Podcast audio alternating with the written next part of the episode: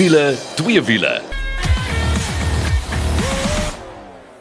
Dis tyd vir wiele twee wiele en dit is ek Kaal en Janet sommer hier saam in die ateljee wat saam met jou kuier en dan later gaan ons bietjie met Nicole Lou gesels en dan ook so 'n bietjie twee wiele. Dis reg, ons gesels later met Clinton Pinaar van die Superbike tydskrif, maar dit was nog 'n besige week. Drie bekendstellings. Kaal, jy was vir die eerste keer by 'n bekendstelling na 'n lang tyd En dit is Volkswagen se T-Roc. Ja, nog 'n sportnuts. Ja, hulle het nou hulle hele SUV reeks wat jy kan kry is is nou beskikbaar in Suid-Afrika ook en ek weet hulle het nogal hard gedruk vir hierdie T-Roc want ek dink as gevolg van die gewildheid van die segment Janet, is dit regtig 'n noodsaak. Jy kyk van 2015 af tot nou die mark gegroei met 44%. Ja, so al hoe meer mense uh, natuurlik ten koste van jou sedans koop SUVs. Dit maak dit meer sin, dit meer spasie, dis meer hoog op die pad. Ek weet jy of jy destyds die MPV mark toe dit so ontplof het. Jy weet toe die Renault Scenics nie goed uitgekom het. Die SUVs is nou baie dieselfde. Ons weet nie wat gaan volgende kom nie. Dit sal interessant wees om te sien, maar ja, die T-Roc is hier. Hy kom in drie modelle. Hy kom in 1.4 TSI,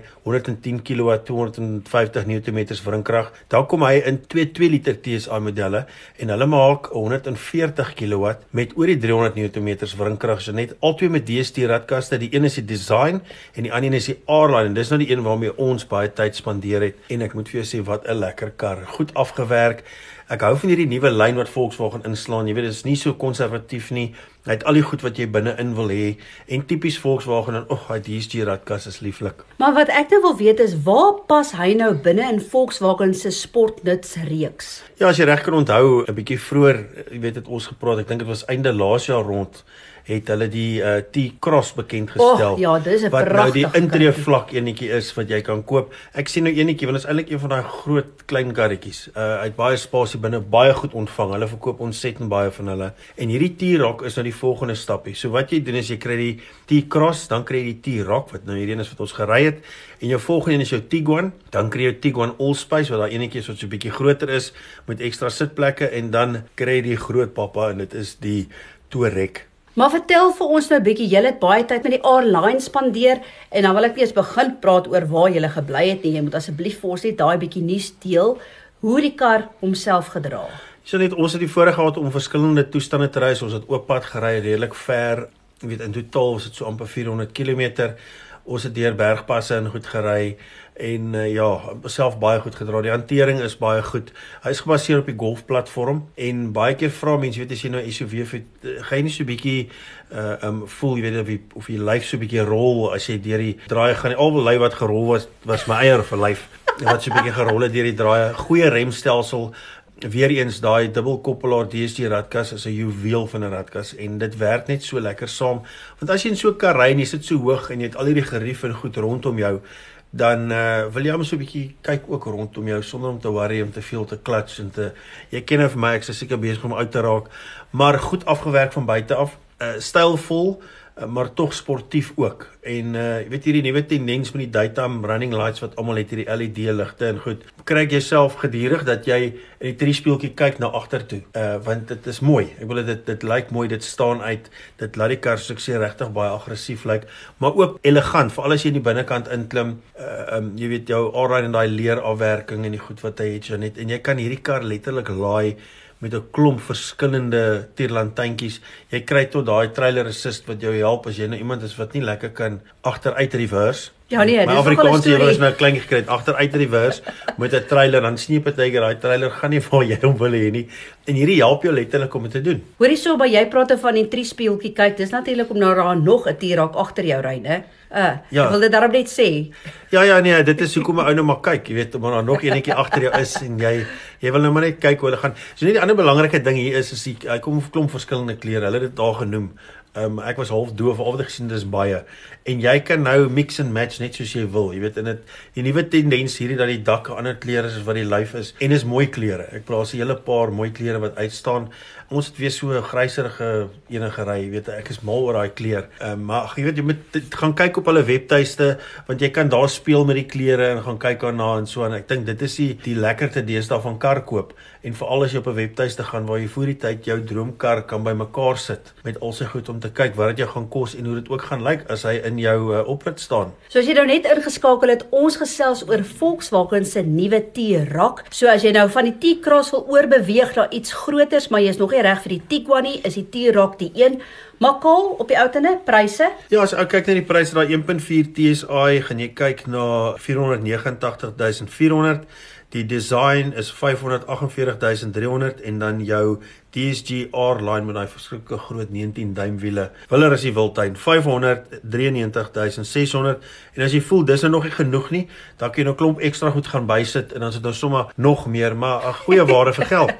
Hoor ek wil net graag afsluit. Ons praat nooit van waar bekendstellings plaasvind nie, maar jy het vir my foto's gestuur en gewoonlik is ek nooit jaloers nie, maar hierdie keer was ek want O, oh, die plek waar jy gebly het was absoluut bionies. Ja, ons het by plek gebly, Groot Bos is net so buite Gansbaai en uh, jy kan gerus gaan Google. Daai pryse het my stom geslaan wat dit kos, maar ons het in gerief gelewe. Uh, ek weet dis nie wat Volkswagen nou goed betaal het nie want hulle het 'n reëling met hulle, maar uh um ja, hier voor Covid se pryse wat hulle daar gewys het is ongelooflik, maar wat verwag jy as jou gordyne en jou goed alles met 'n remote werk?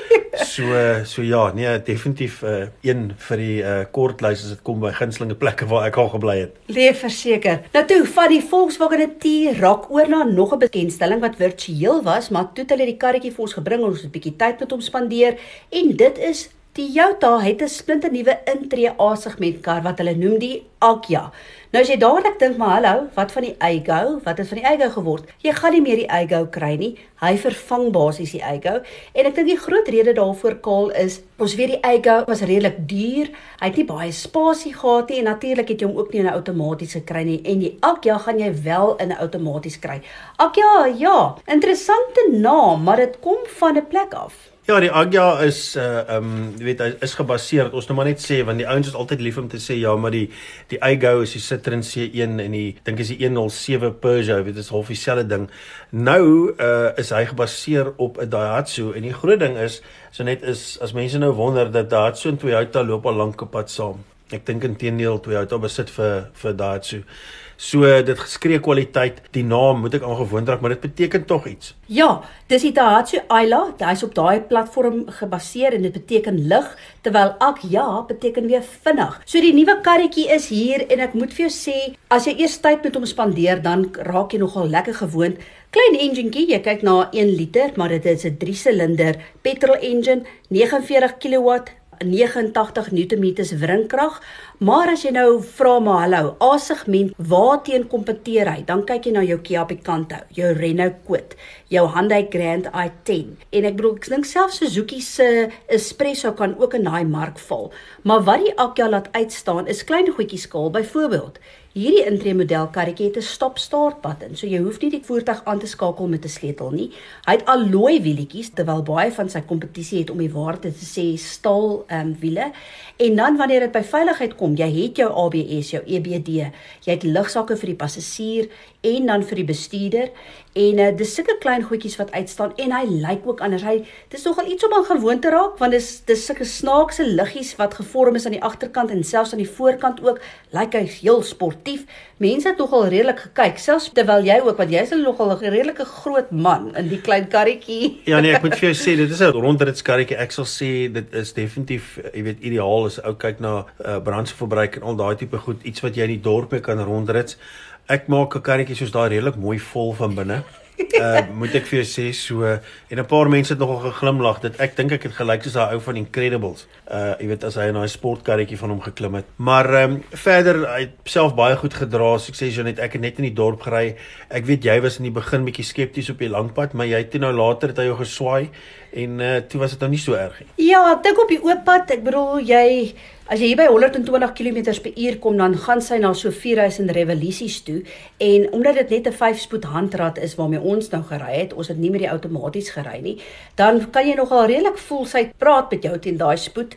Maar aan die ander kant weer moet mens kyk na die kompetisie. Dit is so interessant want jy hou dan vergelyk spesifiek die Agya met die Atos en daar as jy appels met appels vergelyk, kry jy baie meer waarde in die Agya.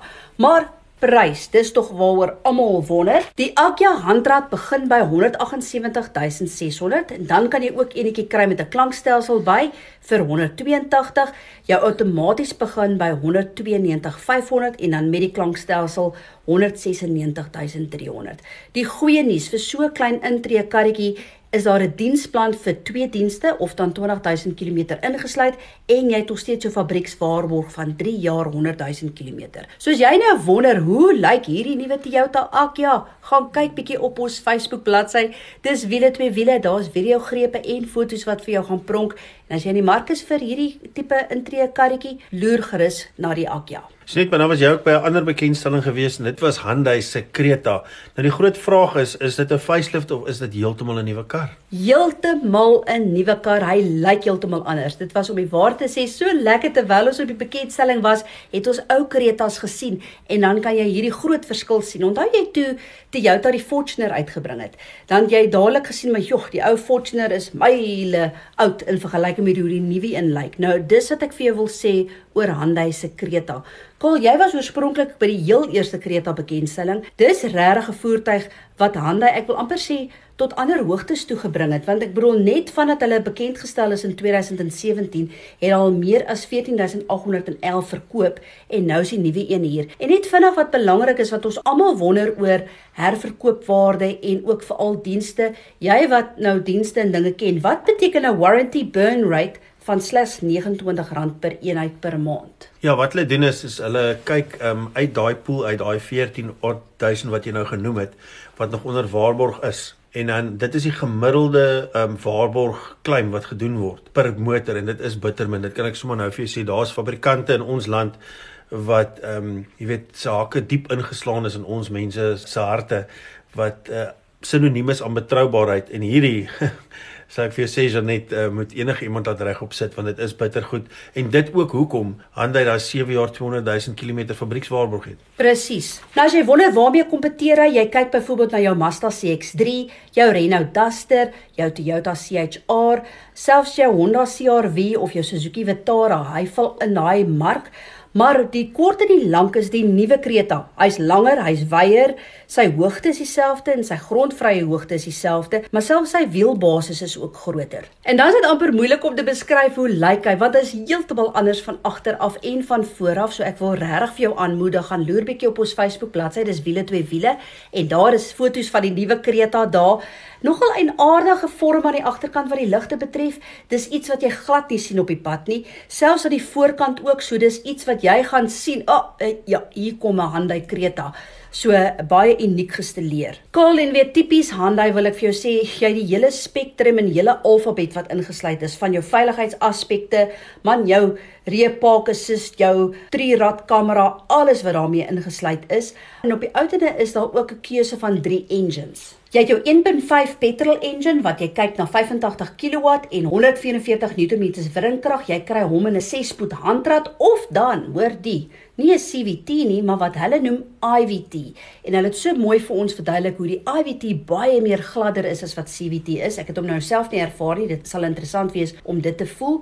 Dan kry jy hom nog in 'n 1.5 diesel engine, maar die een waarmee ons gery het is die 1.4 Kappa Turbo GDI petrol engine. So jy kyk na 103 kW, 242 Nm windkrag en hy kom met 'n 7-spoed dual clutch transmission. Met ander woorde 'n dubbelkoppelaar transmissie.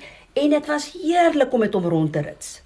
Nou as jy net ek kan regtig nie wag om hom onderhande te kry en lekker vir 'n week lank mee met hom rond te kan rit sien maar prysgewys waarna kyk 'n ou. Wel hy begin by dis nou die 1.5 premium handrat 394900 en dan hardloop hy al die pad op na daai 1.4 dis nou die TGDI en dit gaan jy voor uithaal 484900. Soos jy die mark is vir 'n kompakte sportnuts en jy kyk byvoorbeeld na die EcoSport of die Mazda CX-3 selfs die Kia Seltos, wel dan wil ek vir jou sê gaan kyk beslis na die Hyundai nuwe Creta ook. Ja, dis dit vir die eerste deel van wiele twee wiele. Ons is nou weer terug en dan is dit tyd vir 'n tegniese wenk en twee wiele. Ja, as jy 'n vlekvrye staal uitlaatstelsel soek al uh, as jy hom wil stilhou of as jy 'n bietjie weer jou kar moet praat, moet jy definitief 'n draai gemaak by Powerflow Belwel. Hulle kyk na alles wat jy nodig het. En uh, weet jy wat, dis nie net 'n jaar waarog nie, dis sommer 5 jaar. So uh, vir beter werkverrigting, brandstofverbruik en als Bellflow Bellville, dis die plek vir jou. En is so maklik soos www.bellflowbellville.co.za. As jy nou net ingeskakel het, dit is wiele twee wiele saam met Kaal en Janet. En Nicole gaan nou by ons aansluit vir 'n lekker wenk en dan gesels ons later vir twee wiele met Clinton Pinaar van die Superbike tydskrif. Maar Nicole, welkom. Dit is lekker dat jy weer 'n bietjie vir ons jou kennis en wysheid deel.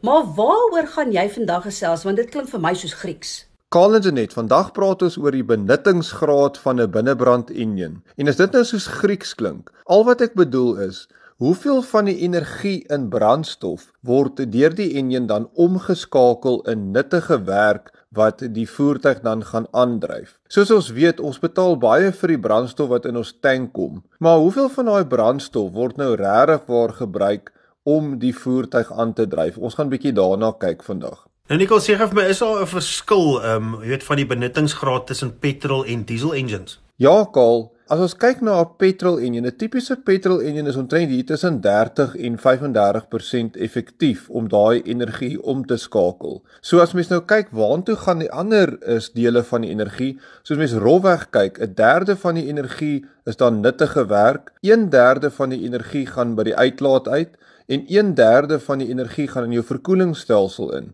So ja, dis waar die brandstof energie in 'n petrol binnebrand enjin dan heen gaan. As ons kyk na diesel engines, hulle is 'n bietjie meer effektief. So jy kyk so hier na 40 na 45% effektief in 'n diesel enjin. So 'n diesel enjin is dan beter met die omskakeling van die energie in die brandstof tot by die nuttige werk wat dan by die enjin gelewer word. Nikkel nou, dit is seker die rede hoekom diesel engines vir jou beter brandstofekonomie gee, né? Janet, daar's 'n hele paar redes hoekom 'n diesel engine vir jou beter brandstofverbruik gee. Een van hulle is definitief die benuttingsgraad wat hoër is. Ander tegniese beginsels van 'n diesel engine wat maak dat hy beter op uh, die effektiwiteit is, is byvoorbeeld dat sy drukverhouding uh, heelwat hoër is as 'n petrol engine. Jy weet 'n petrol engine is hier tussen 10 en 12 tot 1, maar 'n diesel engine is omtrent hier van 16 tot 18 tot 1 compression ratio. En dan ook die feit dat 'n diesel engine nie 'n throttle plaatjie het nie. Hy hoef nie te hardloop teen daai stoichiometriese uh, verhouding wat petrol moet hardloop nie. So hy het altyd lug wat hy insuig sonder dat dit uh, deur daai throttle dan uh, moet gaan wat natuurlik maak dat hy minder pompverliese het. So ja, en die ander interessante feit van diesel is dat per liter is daar meer energie in diesel as in petrol. Ek weet nie of julle dit geweet het nie, maar as ons kyk na die megajoule eenheid dan van hoeveel energie is daar per liter van petrol, dan kyk jy so na 34 megajoule en op diesel kyk 'n mens so na 37 megajoule per liter. So 'n diesel enjin begin al bietjie met 'n voordeel net oor die feit dat daar meer energie per liter in diesel is as teenoor petrol. Maar Nicole, ons kan nou nie daarvan vergeet nie, maar wat is nou die storie met elektriese motors? Kaal, ja, as dit dan nou kom van die benuttingsgraad van elektriese motors, dan is dit by verre beter as jou binnebrand engines. As ons kyk na elektriese motor, die omskakeling van die elektrisiteit na nuttige drywing, dan kyk 'n mens na hoër as 90%. Nou kan jy dink daar is bitter min verliese dan as dit kom by die omskakeling van elektrisiteit tot 'n nuttige werk. En dis ook een van die redes hoekom 'n elektriese kar soveel sin maak uit 'n oogpunt van kostebesparing. So per kilometer kan dit omtrent vir jou uitwerk tot om met 4 keer minder as selfs 'n dieselvoertuig wat baie effektief is met die omskakeling. Ons weet uh, krag in Suid-Afrika kos so R1.50 per kilowattuur. So dan kan mens maklik uitwerk hoeveel dit gaan kos om dan jou battery vol te laai. As mens kyk byvoorbeeld na jou Jaguar I-Pace, het so 90 kWh pak. So dan praat 'n mens so hier van R135 om hom vol te maak. So ja, vir daai tipe geld kan jy dan omtrent hier by 'n 400 km ver ry. So dis heel duidelik dat 'n elektriese motor baie effektief is as dit kom by die omskakeling van die elektrisiteit tot by nuttige drywing. Maar nou ja, met binnebrand engines, ons sit nou ongelukkig met daai benuttingsgraad wat heelwat laer is. Wat die vervaardigers begin doen het is ook ons het gepraat aan die begin van daai derde energie wat by die die uitlaat uitgaan. Meeste van die engines wat ons nou kry in ons nuwe voertuie is turbo aangejaag en die turbo aanjaer uh, gebruik dan van daai energie wat gewoonlik verlore sou gegaan het om dan natuurlik jou inlaat lug se druk te verhoog. So dis amper so 'n bietjie van die vry energie wat jy daar wat jy gewoonlik sou verloor het wat jy nou weer bietjie terugkry. En daarom sien ons dat al die moderne enjintjies nou turbo aangejaag is om daai uh, effektiwiteit dan te verhoog. Maar ja, dit is baie duidelik, die toekoms is seker maar elektries, minste verliese. Ehm uh, ons hoop nou maar net dat ons elektriese krag in Suid-Afrika in die toekoms heelwat skoner gaan wees as net van steenkool af. So daar het jy dit nou. Nikkel se wenk oor benuttingsgraad as jy gewonder het, dis nie Grieks nie. Hy het nou so mooi vir ons verduidelik, maar nou is dit tyd vir twee wiele. En ons gaan gesels met Clinton Pinaar van die Superbike tydskrif oor hulle November-Desember uitgawe. Hallo Clinton. Hi Karl, hi Janet. Ja, is lekker om weer hier saam met julle te wees. Wil ek Clinton nou maar vertel ons so 'n bietjie waarna die lesers kan uitsien hierdie November Desember Superbike tydskrif. Almal gaan 'n uh, bietjie terugsny hoop ek en uh, waarna kan ons uitsien in hierdie tydskrif? Man ja, die hierdie nuwe uitgawe van ons is propvol nuwe nuus. Uh, ons het iets oor die nuwe Ducati V4 multistrade. Ons praat dan ook oor 'n baan, daar's 'n nuwe baan in Benoni gemaak wat hulle noem FK. Ons het ons eerste trektyd daar die 16de Desember. Dan praat ons oor die nuwe Triumph Trident want ingom, hy gaan baie goedkoop wees en ek het dan afgevlieg Kaap toe hier by julle om die nuwe BMW R1800 te ry. Dis die nuwe e-cooled Dis 'n 1800cc Boxer fiets en uh, jy kan sien dat BMW heeltemal agter die Harley Davidson mark kan gaan. En uh, dan daar's twee ouens wat gery het by die Morocco Desert Challenge. Ons praat bietjie oor Willem Avenant en Mark Johnson. En dis nog 'n interessante storie. Hulle het nogal groot uh, planne om in die Dakar deel te neem. En dan ook so 'n bietjie op die nuus. Ons praat oor die MV serie Oro Brutale.